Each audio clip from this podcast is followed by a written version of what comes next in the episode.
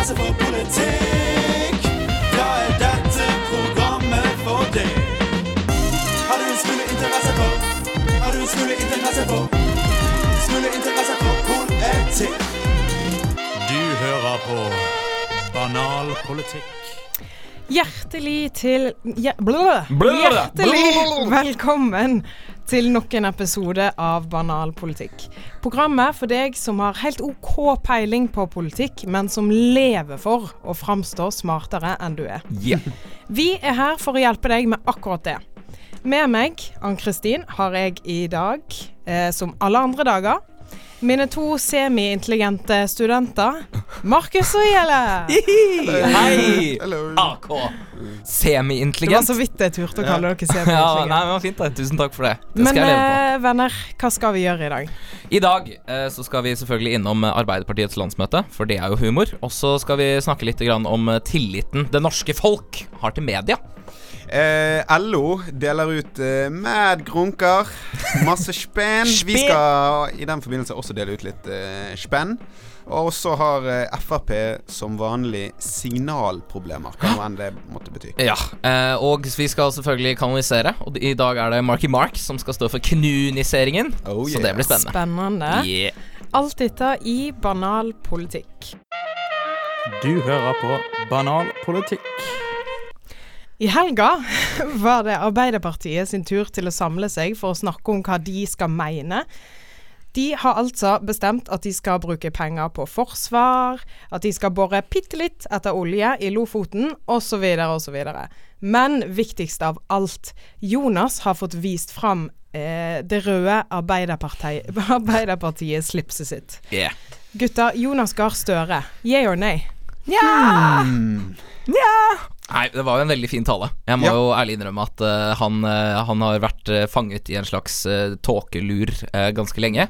Var relativt klar tale i den talen, syns Ja, jeg. eller han holdt jo to taler. Mm. Han åpnet landsmøtet med én tale, og den fikk han jo ganske massiv kritikk for. Ja. Det var jo samtidig som han drev og altså sang med han, han, han gikk for en liten sånn her vise på slutten av kvelden, og det hele var heller pinlig. Altså, politikere må slutte med sånt. Ja. Vær politiker. Ikke vær sanger, ikke vær komiker, ikke vær taxisjåfør, ikke vær horekunde. Vær politiker. Hva er greia altså. med at norske politikere ikke bare kan være en politiker, men du må liksom gjøre noe ekstra? Helt Altså Du må skyte ulv, eller du må eh, framføre vise. Altså Eller du må, som Raymond Johansen gjorde i valgkampen i kommunevalget, du må snakke arabisk når du åpenbart ikke kan det. Det var det flaueste jeg har sett. Jeg altså tror det har en liten sammenheng med at folk driter litt i hva politikk egentlig er. Det er jo så bra at de på en måte må eh, få noe annet å feste på dem for at vi skal begynne å liksom kjenne dem. Fabian Stang kan kjøpe dop utover det. Eh, ingenting. Fordi Fabian Stang som kjøper dop, er det morsomste i verden. Men på tale nummer to Mm. så reiste han kjerringa, som det heter. Er det det det heter? Jeg om Jeg har aldri hørt det før. Har ikke du hørt det? jeg liker det. Ja, ja, men i hvert fall, eh, der var han veldig tydelig, og eh, der følte i hvert fall jeg at han liksom var ok Der, der fant han litt seg sjøl, Ja. kan du si. Eh, at han på en måte tidligere har vært kanskje litt redd for å si feil og vært litt utrygg på rollen sin, Ja. kanskje. Ja. Eh, men nå var han liksom bare Nå var han veldig tydelig. Det var til og med en joke på Høyres bekostning om at de var eh, sånne tåkefyrster. Ja. Og til og med den gikk gjennom. Sant? Det er veldig merkelig. Han ble veldig statsministeresk i den eh, talen for min del. Uh, og jeg setter jo for så vidt ganske pris på det. Han har jo hatt en lang vei å gå, Jonas. Ja, han har jo egentlig det. Hvordan har uh, hans vei til toppen vært? Nei, han begynte jo på dette elite La France de Académie de Socialité Ja. i Macron. Ost, og vin. Hva er det er heter? Det heter Institutt d'études politiques de Paris. Ja. Uh. Det er pant. det. Det er en som har 60 mil på konto, som eh, går på det college. Eh. Ja. Så han, eh, han er jo oppvokst på Bygdøy. eh, Bygdøy! I en steinrik familie som Yep. selger peiser. Yep.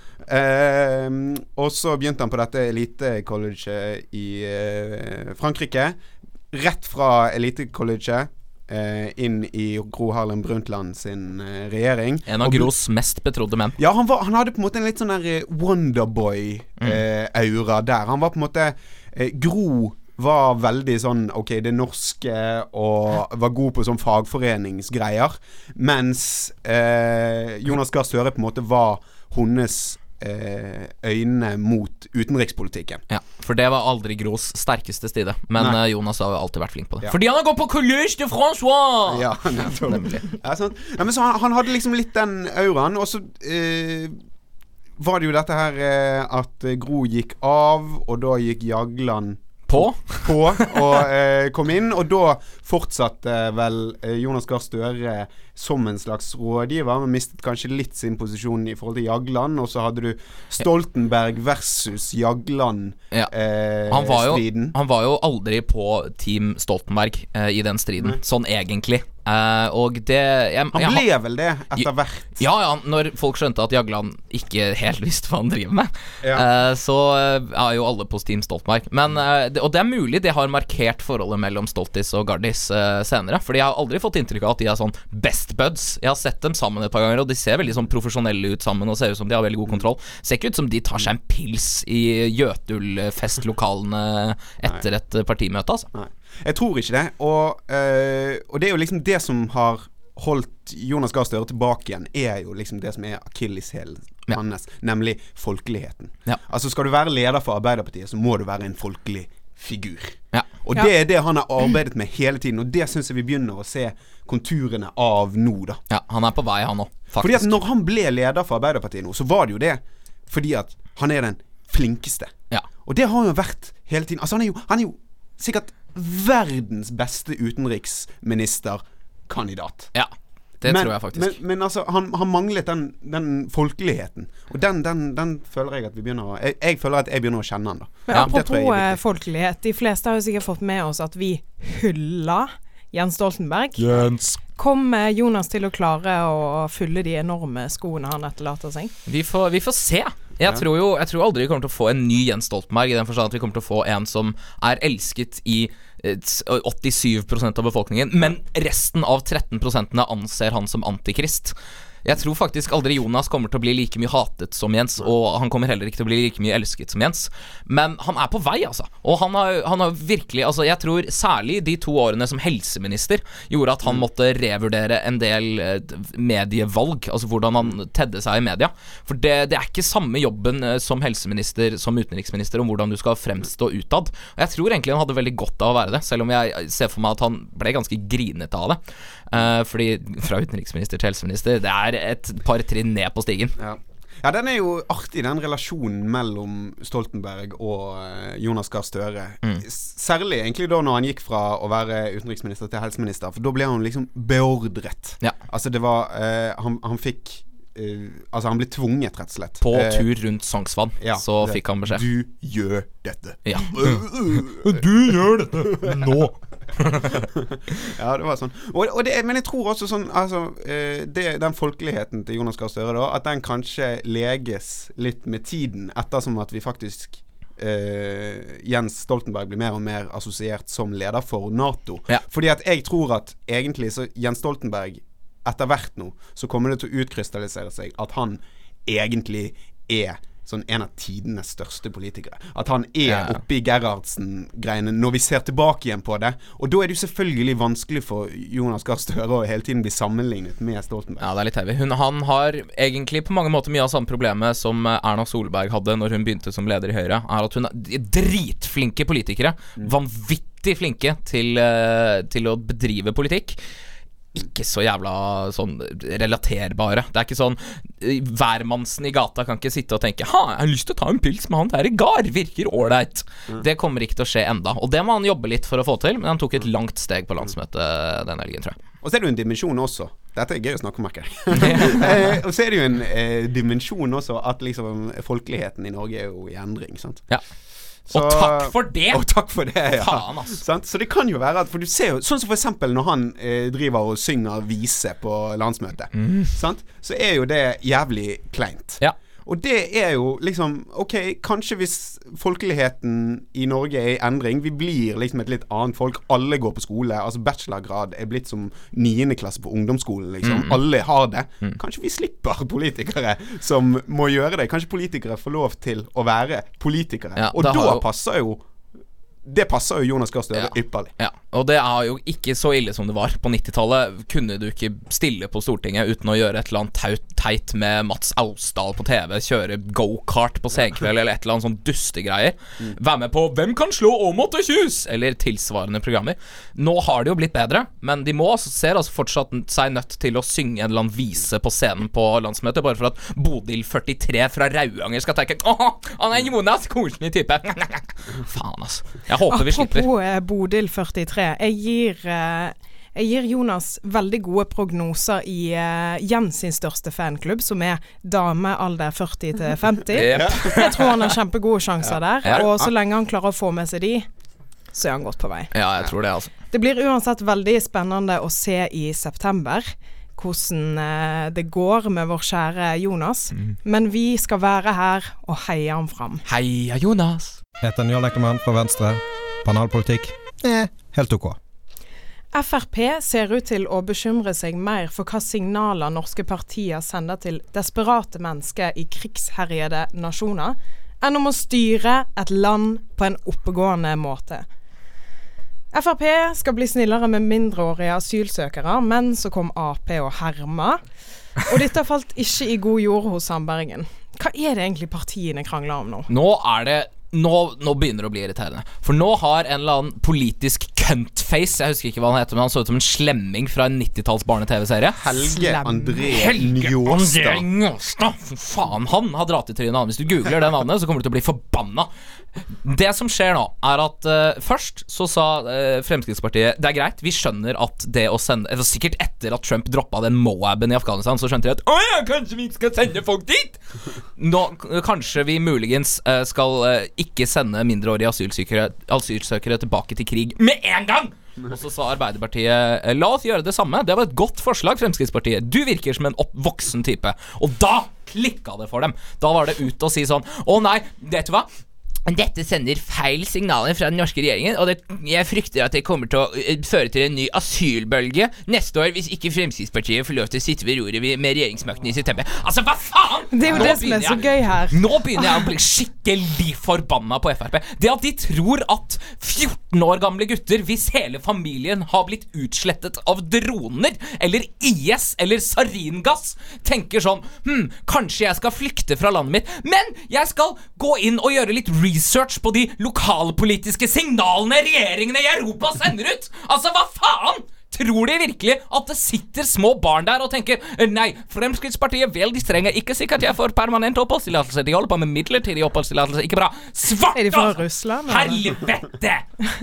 Åh, det er helt sjukt at de fortsatt tror at det er en greie, og at folk fortsatt kjøper at det er en greie. At folk tror på at hvilke signaler den norske regjeringen sender ut, har noe å si.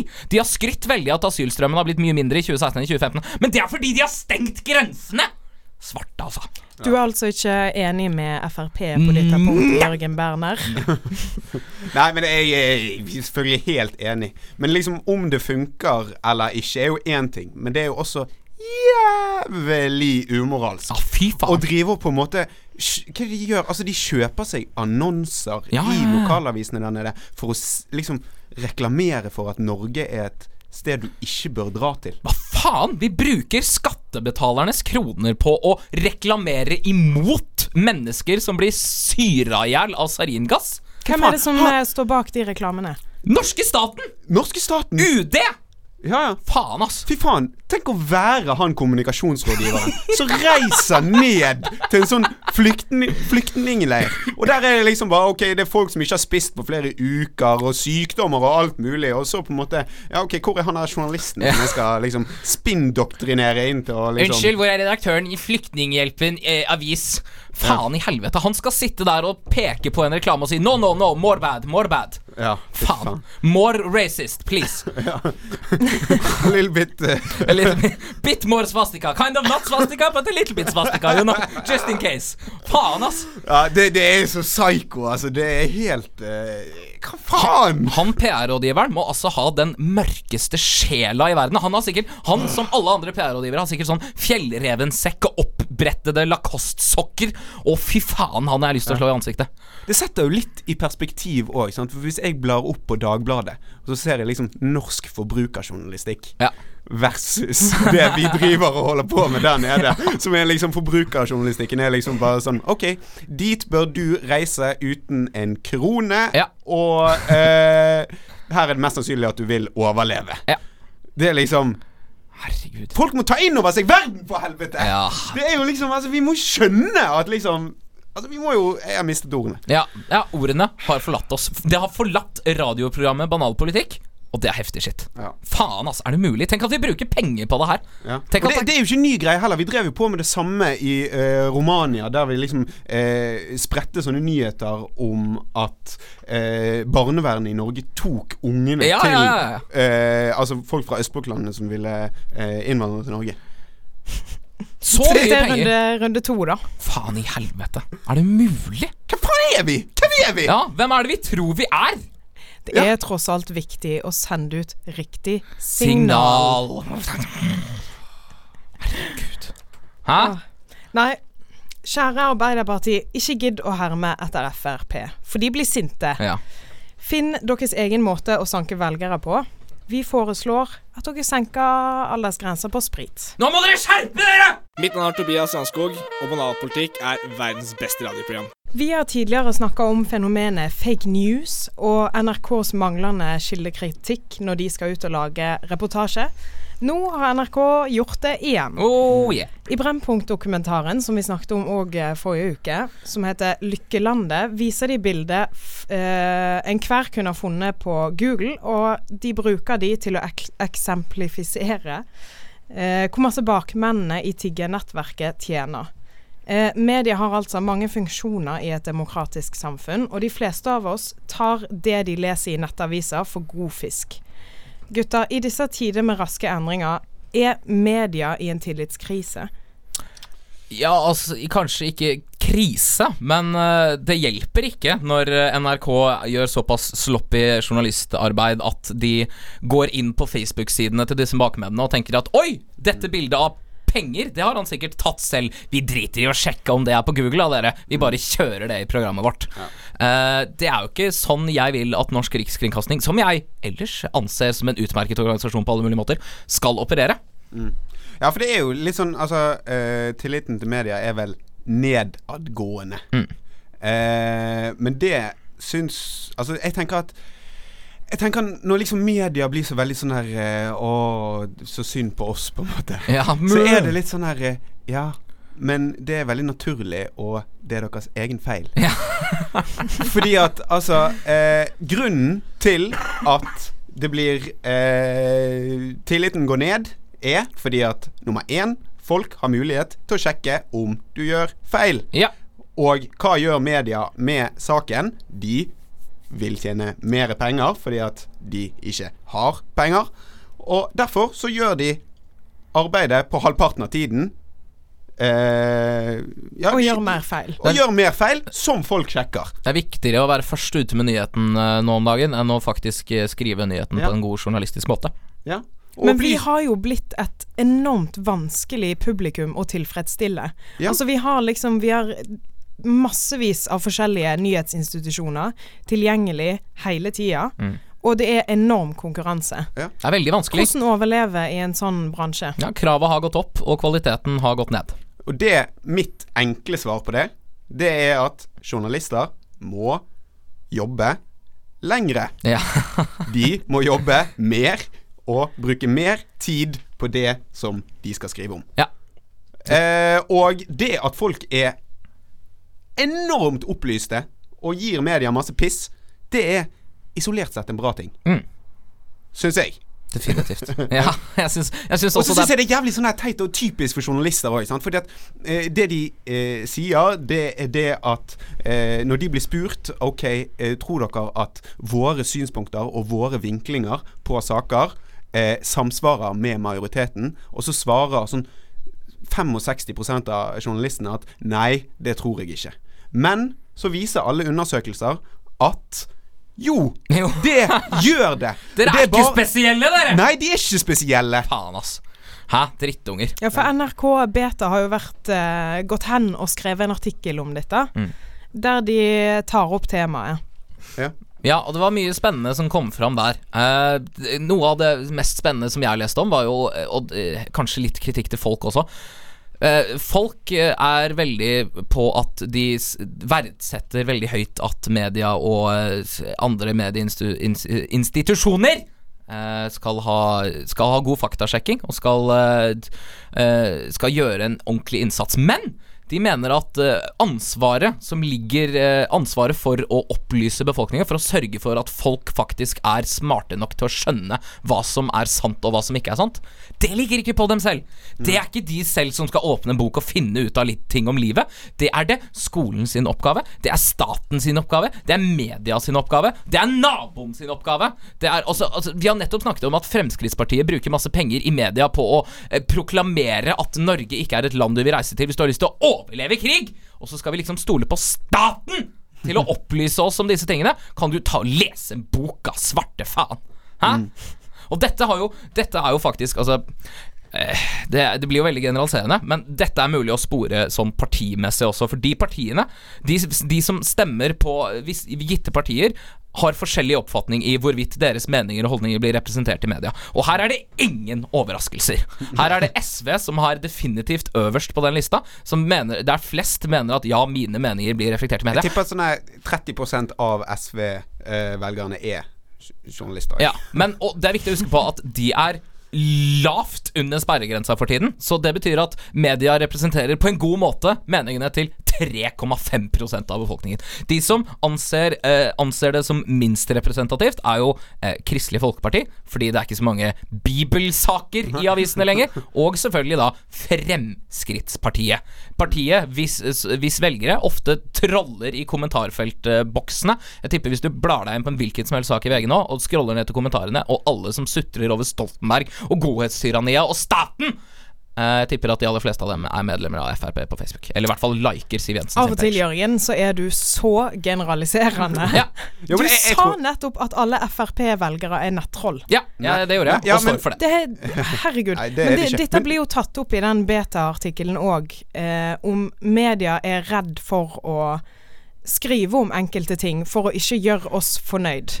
Mm. Fordi vi, vi klikker på det vi vil lese. Ja. Men der er jo altså uh, Fundamentet i det å være journalist er jo integritet. Ja. Sant? Og du kan ikke selge integriteten din. Da, da snørrer media noe jævlig. Altså Da da er det ingen som gidder å høre på det hvis de ikke har eh, integriteten sin i behold. Ja. Men jeg tror at det som du sa i, i sted, med den trollingen Selvfølgelig, det var generaliserende Ja, det var måte altså. å si det på. Det sant. Og det stemmer jo ikke at alle Frp-folk er nettroll. nettroll. Men jeg tror at nettrollene eh, har veldig mye å si, fordi at det er de som skaper på en måte den forestillingen om at media ikke er i synk med befolkningen. Fordi at de som troller, de gjør så jævlig mye ut av seg.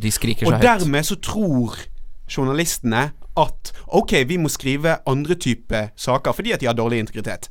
Sant? Derfor tror de at de må skrive andre eh, saker, og at tillitskrisen, hvis den finnes, eh, skyldes at det, de ikke er i synk. Ja, jeg tror media er litt i samme posisjon som Jens Stoltenberg. Er at De aller aller fleste setter egentlig veldig pris på arbeidet de gjør. I hvert fall de fleste av dem. Jeg tipper at mange er sinte på Side 2 eller Dagbladet, som bare fjaser og Kardashianer all over sin, sin forside. Men så er det de som skriker veldig, veldig høyt. Uh, som av en eller annen merkelig grunn er De de er en vanvittig minoritet i folket. Men de skriker så høyt at vi blir nødt til å høre etter når de snakker. Og det er litt irriterende. Eller for en som skriker veldig høyt, så er jo det veldig betryggende, men eh, mest irriterende. Men vi ser jo også en tendens, da. Der liksom de som ikke tar eh, inn over seg dette her med at liksom Ok, vi må være først hele tiden, eller vi må skrike, skrive om de som skriker mest og sånn. Det er jo de som gjør det best, sant. Ja. Det er jo de eh, på en måte magasinene som kommer ut. Klassekampen, Dagsavisen altså, Morgenbladet Ja. og sånn Aftenposten Innsikt, for eksempel, og sånn. Det går jo massivt opp i opplag. Sant? Altså Folk er interessert i de greiene der. Eh, men man tjener ikke så mye penger på liksom nettaviser. Hei, hei, media. Folk vil lese god journalistikk. Vi vil ha dere journalister. Dere Ja. må bare skjerpe dere først. Ja, må bare ta dere litt grann sammen. Bare skjerpe dere bitte lite grann på sida der, så blir det fint, vet du. Hæ? Klar beskjed fra gutta boys i banalpolitikk der. Om litt skal vi kanonisere. Hva er egentlig å være norsk? Ola Nordmann, norske poteter, Tidemann og Gude, Gynt, han Per, Per Sandberg, Sannelig om er ikke Solan, så elende lensmann, mannskor, kortreist, reiseradioen, radioresepsjonen, sjå på karasjokken, kåken, laken, haken til å gro, o helga natt, betatt av Jon Almot, Jonas Lie, likestilling, stillingskrig og krigens lange netter, Petter, kan jeg kysse deg, nordmann er en tilstand og ikke en liste! Regjeringa vil rangere den norske kulturarven i en liste. Eller som politikerne kaller det, en kanon. Vi er podkastere. Vi har òg lyst til å kanonisere. I løpet av våren vil Banalpolitikk håndplukke de politikerne vi mener tilhører den norske folkesjela. Dagens kandidat er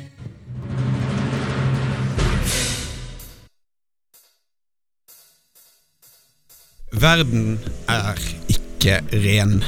Verden er uren. Terror, kullkraftverk og kristenfundamentalister. IS, brexit og Marie Le Pen. Vladimir Putin, Josef Fritzel og Donald Trump. Midt oppi alt dette er Norge. Lille Norge. Innimellom så må verden vaskes. Og dagens kandidat er en ekte, potent, norskprodusert variant av spylevæske. Det var ikke Gro, Willoch, Munch, Ibsen, Bjarne Melgaard, Karl Ove Knausgård eller Kygo som lærte meg, Markus, 25 år, at verden kan lære noe av Norge. Det var det en annen mann som gjorde, og han heter Jens Stoltenberg. Jens Stoltenberg vokste opp på Frogner. Hans far var utenriksminister. Oppveksten midt i et politisk dynasti, elitebakgrunnen, virket likevel ikke til å prege Jens. Oppveksten hans var veldig fri. Han begynte å drikke i tolvårsalderen, var med i husokkupasjoner, gikk i demonstrasjonstog, hadde langt hår og sigget jazztobakk, digget jenter og mislikte skolen. Du tenker kanskje at uh, det er ikke den Jens er blitt i dag. Du tenker kanskje at uh, det var ikke dette som gjorde Jens Stoltenberg til statsminister. Du har kanskje rett. Jens var ingen typisk hippie, og uh, det hører med til historien at han var en særdeles intelligent, opplyst og privilegert ungdom. Men det som formet Jens i disse årene, og som har blitt selve fundamentet i hans politiske virke, er den menneskelige egenskapen åpenhet. For hva vil det si å være norsk? Det er ikke å skrike og skråle halvbrisen i siestaen, og det er ikke å prate hull i hodet på noen på bussen, men det er like fullt å være åpen. Åpen for korrigeringer, åpen for inntrykk og åpen for andres tanker. Jens Stoltenberg lærte oss denne åpenheten, og nå forsøker han å lære verden denne åpenheten. Nysgjerrigheten til Jens Stoltenberg gjorde han til en statsminister som klarte å romme et Norge i endring. I de to periodene Jens Stoltenberg var statsminister, ble vår foreldregenerasjon verdenshistoriens mest privilegerte populasjon av Homo sapiens sapiens. Og er det noe verdenshistorien har lært oss, så er det at når mennesker kommer i en sånn posisjon, så blir de en gjeng med rævhold som plyndrer, voldtar og dreper. Det ble ikke våre foreldre. Hvorfor? Fordi Jens Stoltenberg var vår statsminister. Jens Stoltenberg er synonymt med dialog, og latent i ordet dialog ligger interesse for mangfoldet av mennesker. Jeg klarer ikke å skjule hvor beroliget jeg er. I en tid som kan minne om den kalde krigen. I en tid der Donald Trump og Vladimir Putin vurderer å sprenge hverandres ego og navlebeskuenhet med atombomber. I en tid der nasjonalisering er blitt en legitim politisk holdning. I denne tiden er jeg beroliget av kun én enkelt person, og det er Jens Stoltenberg. Av den enkle grunn at han får folk til å snakke sammen. Du hører på Banal politikk. Jens Stoltenberg der, altså. Stoltinatoren! Det var en veldig, veldig flott flott kanalisering. kanonisering. Eh, vanligvis så har jo disse bare endt opp med å bli en slags mal på Han var kjempeflink, dette har han gjort, dette gjør han nå, eh, stem på han. Men eh, dette var en litt sånn halvdystopisk eh, oppfatning av verden i dag, og at Jens er den eneste hvite ridderen i skinnende rustning. Jeg satte pris på det. Ja, det var litt sånn eh, kanonisering denne gangen, Markus, som du måtte ta. Ja, fin, Ja. Jeg syns du klarte det veldig fint. Ja. Du lanserte han jo eh, som hele menneskehetens eneste hopp. Det var fint. Jo, han er jo faen den eneste som gidder å høre på folk og få folk til å preke sammen for tiden, synes jeg. Så, Men eh, vi eh, må jo diskutere eh, om han er god nok Ja. til å få plass i vår eh, kanon. Er verdens beste mann eh, Blant. Carl I. Hagen og diverse. Ja, ja, ja. Eh, og for å komme inn på den lista, så må han oppfylle tre kriterier. Mm. Og det er kriterium nummer én. Kan vi ta en pils med han? Og komme godt ut av det. Mm. Kriterium nummer to. Er han bustbar? Mm. Er han viktig nok til å bli lagd en byste av? Og vil viktige personer ha den busten? Nummer tre. Er han ryddig? Har han rent mel i posen? Ja. Eh, jeg lukter utfallet av denne, merker jeg. Men vi kan jo vi kan. Eh, ta en pils med Jens. Ja. Eneste, eneste grunnen til at jeg er litt usikker, er at jeg kommer jo aldri i livet til å få svar på alt jeg lurer på i løpet av én pils. Nei. Så da, det, det grusomme da blir utvelgingsprosessen. Hvilket spørsmål skal jeg stille? For jeg får jo bare stille ett spørsmål, så er den i gang. Ja. Så ja, altså det som er poenget, da. Nei, og, og da, da går det. Um, Uh, så det, kommer til å bli en brutal utvelgelsesprosess for, for min del. Hva i all verden? Hvilket kan- spørsmål skal jeg stille? ja, skal? Hva skal jeg spørre om først?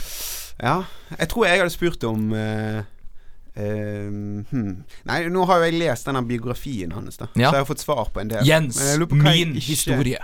Hva jeg ikke fikk svar på der. Nei, det må jo være liksom uh, Jeg tror det må være graden av liksom maktsykhet som finnes i han. Ja.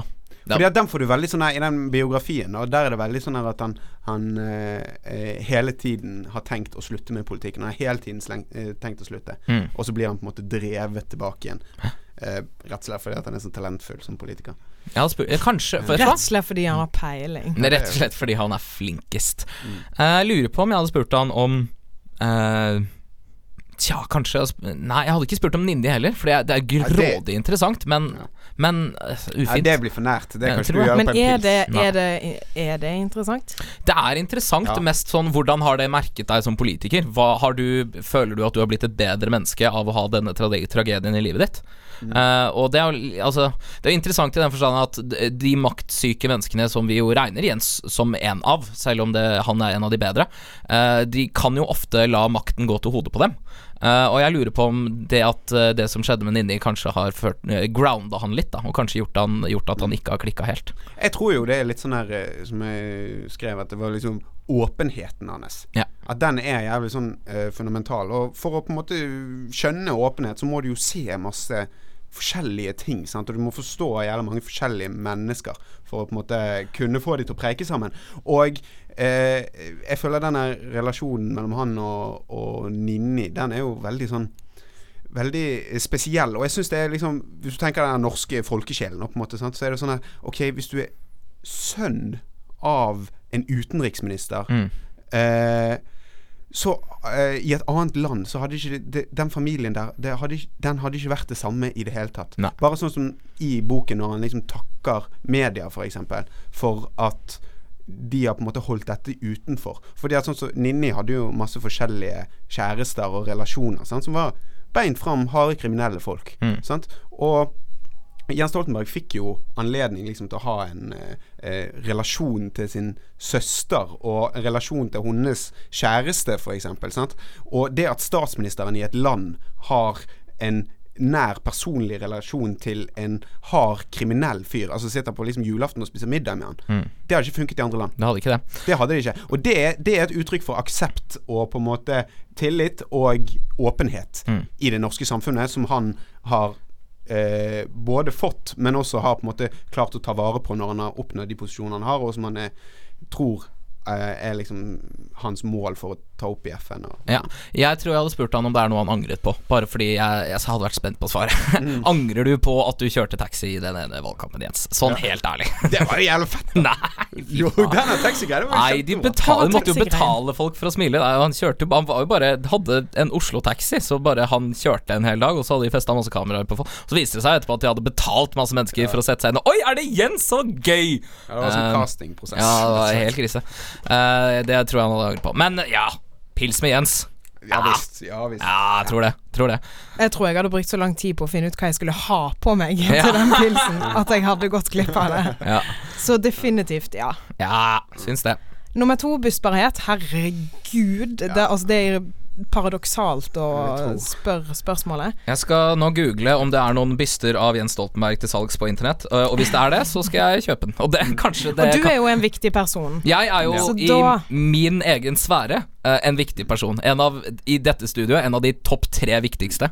Eh, så det er godt mulig eh, jeg har lyst på byste av Jens. Det er mulig jeg gir den bort også i siste programmet dette semesteret som en premie til en eh, trofast lytter. Eh, jeg fant ikke Nå har du lovt akkurat nå. det. Ja, jeg har det. Uh, Torvald har byste, uh, fant jeg ut nå, i Nord-Norge. Hvis Torvald har byste, så gjør Han byste. han er litt for ung kanskje til å ha byste. Ja. Uh, men uh, jeg vet ikke, jeg tror egentlig hele Arbeiderpartiet hadde altså- bystet han utenom Jagland, kanskje. ja. Spørsmålet er jo ikke om det fins byste av han. Spørsmålet er jo er han bystbar. Har Ja, han gjort nok Ja, ja, ja. i livet sitt til å bli bysta? Skal vi se. Vi snakker om Nato-sjefen. Ja. Vi snakker om Nato-sjefen. Han var uh, eh, leder i AUF ganske lenge. Eh, den yngste parlamentariske lederen i Arbeiderpartiets historie. Den yngste statsministeren. Yngste statsministeren. uh, yngste ministeren i Arbeiderpartiets historie. Han var jo finansminister i slutten av, tre, i slutten av 30-årene, eller Ja, begynnelsen av 30-årene. ja, ja, et eller annet sjukt. Uh, uh, statsminister i et stort, stort I et europeisk land i åtte år. Rett på leder av den største forsvarsalliansen noensinne. Ja, jeg, jeg tror han har bistet, jeg. Mm. Og den handsome as fuck byste. Tror den bysten kommer til å Så blir den er penere enn Ronaldo sin byste, så tror jeg den kommer til å uh, væte mang en 40-årings uh, underliv. Ja, jeg syns det er veldig viktig å trekke inn utseende i dette kriteriet. Og eh, det er jo ingen tvil om at Jens oppfølger òg det. Jep. Eh, hva, tror dere det hadde blitt lagd en byste av han som gammel eller som ung? Må man lage en byste av personen som gammel? Jeg tipper han får nok byster til at hans eh, alder blir eh, representert på en god måte. Han er jo eh, pikenes Jens. Eh, Jeg tror han kommer til å være det lenge enda. Ja. Kriteriet nummer tre ryddighet. Ja, for her skurra det litt. For her hadde du gravd frem Lest boken. Eh, noen interessante faktum om han. Begynte han å drikke når han var tolv Ja. år gammel? Ja, Hva faen, ja, de fant seg noen sånne kneiper, som det står, som puber. Nei, de fant noe billig brød. Nei, de begynte å drikke i 12-13-årsalderen, og der også, uten at vi trenger å gå sånn dypt inn på det, så var jo det også noe han trekker fram i forbindelse med Ninni, da, for hun hang jo på. Hun var kanskje ni. Ja, ikke sant.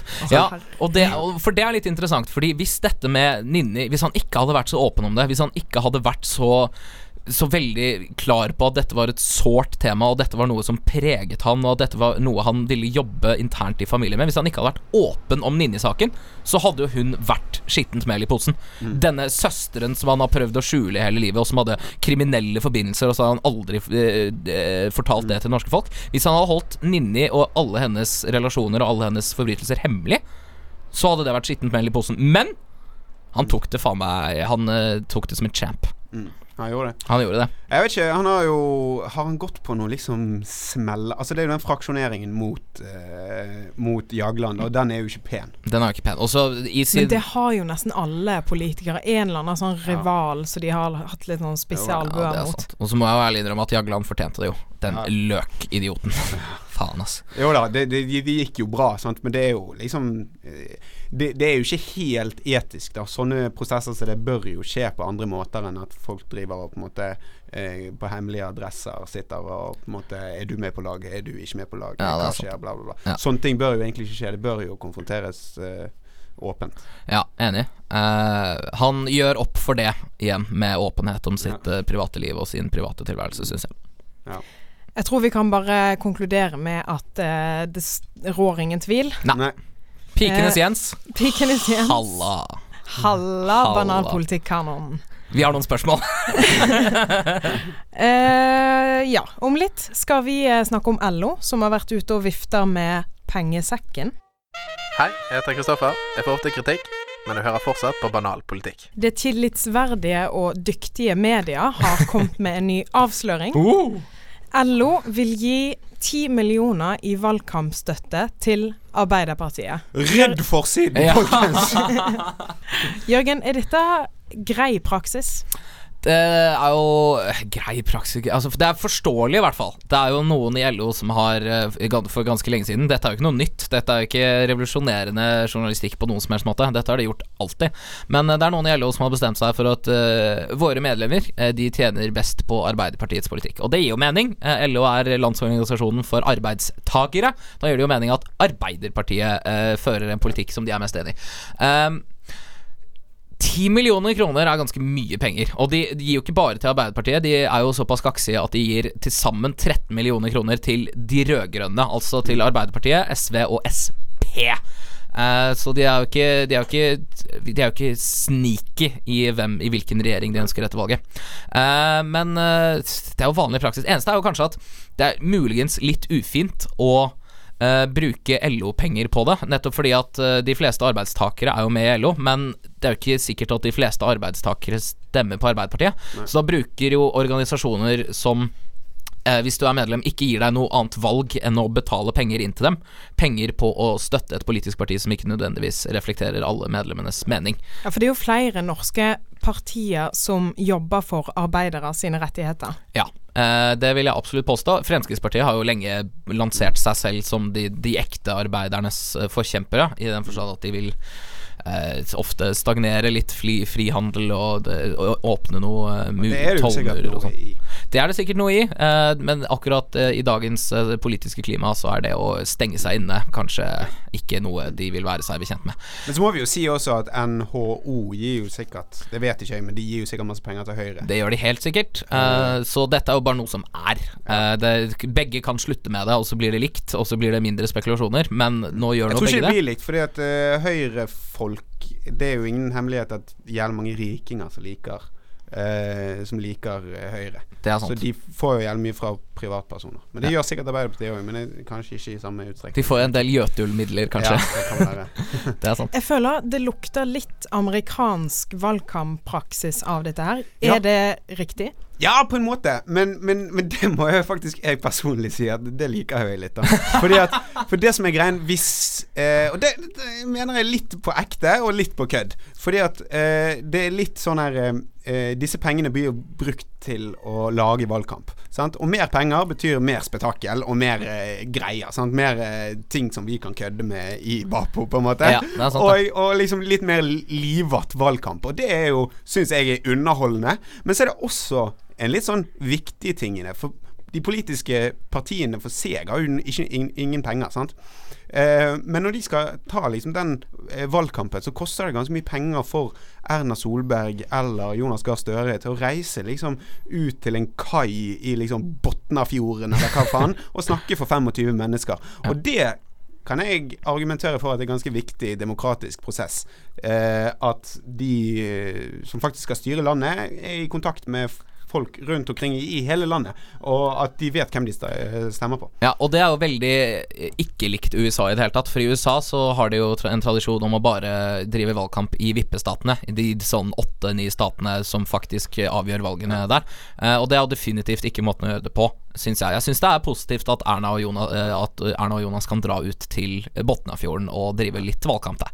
Men i USA er de, de, de, de er jo helt sinnssykt mye ute og reiser og holder taler for Ja. masse folk. da Men det er jo et jævla svært land. Ja, Altså. I de ni statene som avgjør valget i USA. Men Uh, litt interessant uh, dette med å gi penger til politiske partier, for det er det ganske mange som driver med. Hvis dere to hadde fått én milliard kroner, Oi! Oh, La oss si det. Hva, hvilke hvor ville dere tatt den eh, milliarden fra? Altså hvem fortjener ikke penger? Og hvor ville dere gitt de? Markus? Skal jeg begynne? Ja, begynn. Uh, hmm. Jeg tror jeg, jeg tror jeg hadde tatt en milliard fra statskirken.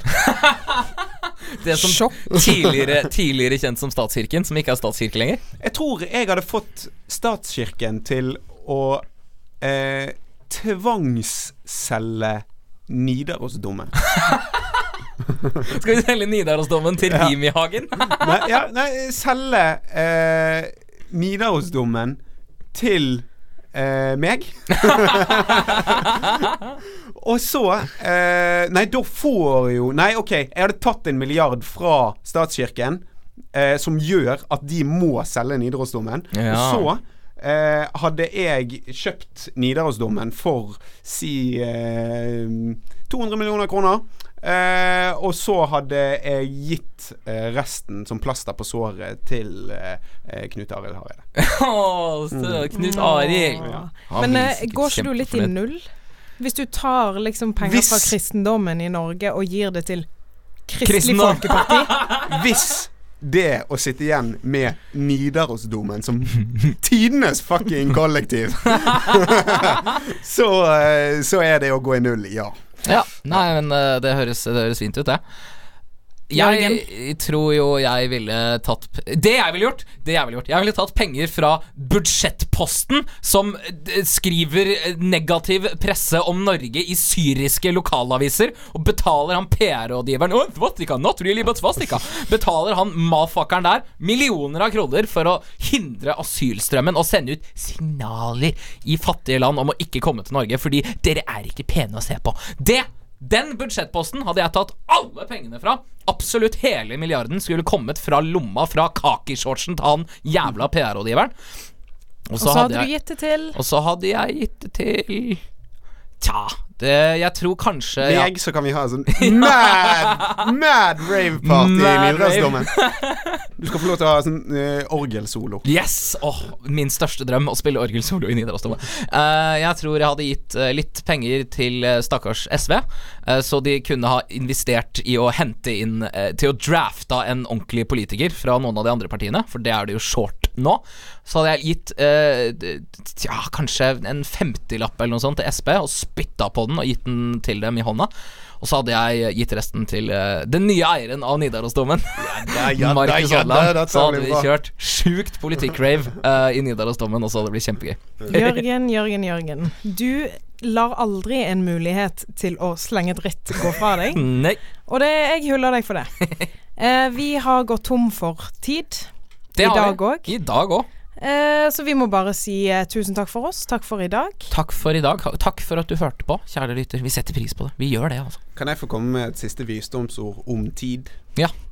Eh, Jeg var på en sånn innvandrersjappe her en dagen, og så sto han bak eh, kassen, så sa han at eh, tiden går ikke, den kommer. Oh! Følg oss på Facebook, på Snapchat. eh, last ned podkasten og rate den. Tusen takk for oss.